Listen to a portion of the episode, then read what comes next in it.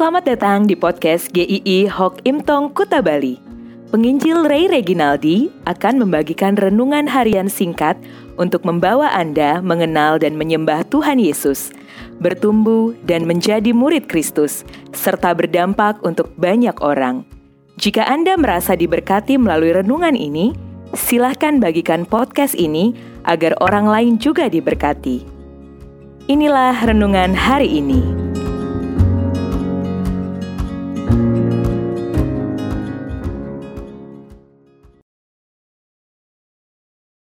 Sudah cukup belum?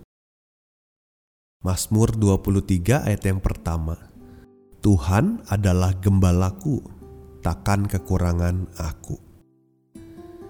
Mazmur 23 tidak pernah kehilangan keindahannya.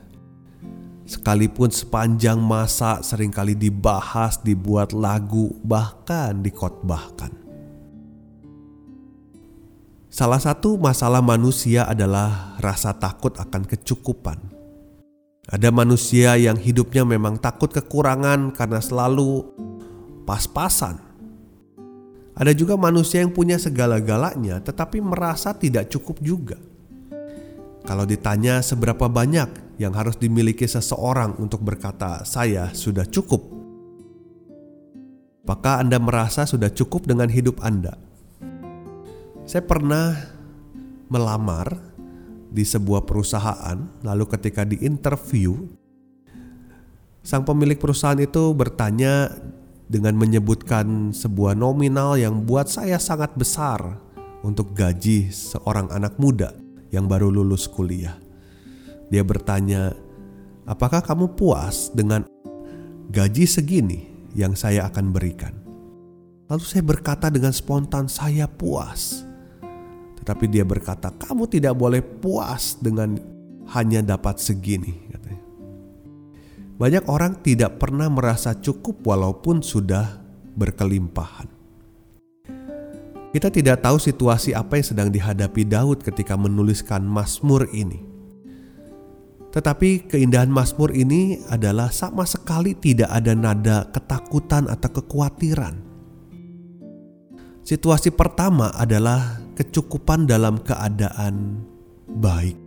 Tuhan adalah gembalaku dikatakan takkan kekurangan aku. Wah, ini satu kalimat yang sangat indah sekali dikatakan takkan kekurangan aku karena Tuhan adalah gembalaku.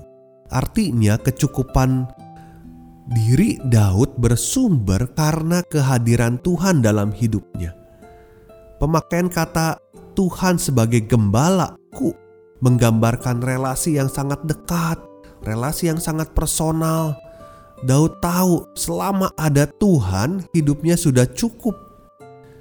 Cukup berarti bukan soal materi, bukan soal uang, bukan soal yang lainnya tetapi kepuasan di dalam hidup bahwa ada pribadi yang bersama-sama dengan dia, pribadi yang mengenal dia, pribadi yang akan menuntun dia. Seseorang bisa mengejar berbagai hal dalam hidup ini untuk mencapai apa yang dirasa itu adalah kepuasannya. Namun, coba saja setelah mendapatkannya, akan muncul kembali ketidakpuasan yang baru. Kepuasan dan kecukupan sejati akan didapatkan kalau seseorang sudah mengenal dan percaya Kristus di dalam hidup kita, di dalam hidup setiap orang. Daud bisa tenang karena tahu sang gembala mengerti dirinya. Dikatakan di ayat-ayat selanjutnya, ia membaringkan aku di padang yang berumput hijau. Ia membimbing aku ke air yang tenang. Ia menyegarkan jiwaku, ia menuntun aku di jalan yang benar rumput, air itulah yang memang menjadi makanan domba. Gembala tidak pernah membiarkan dombanya terlantar.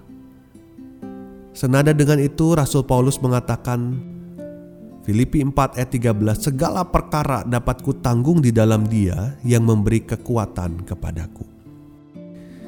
Kita seharusnya merasa cukup karena dikasihi Tuhan dengan kasih karunia yang tidak akan pernah surut di dalam hidup kita. Kita seharusnya merasa cukup karena Tuhan berjanji tidak akan menelantarkan kita hari demi hari. Kita seharusnya cukup karena bagaimanapun bentuk tubuh kita, kita diciptakan menurut gambar dan rupa Allah. Kita seharusnya merasa cukup karena kita memiliki jaminan hidup yang kekal nantinya.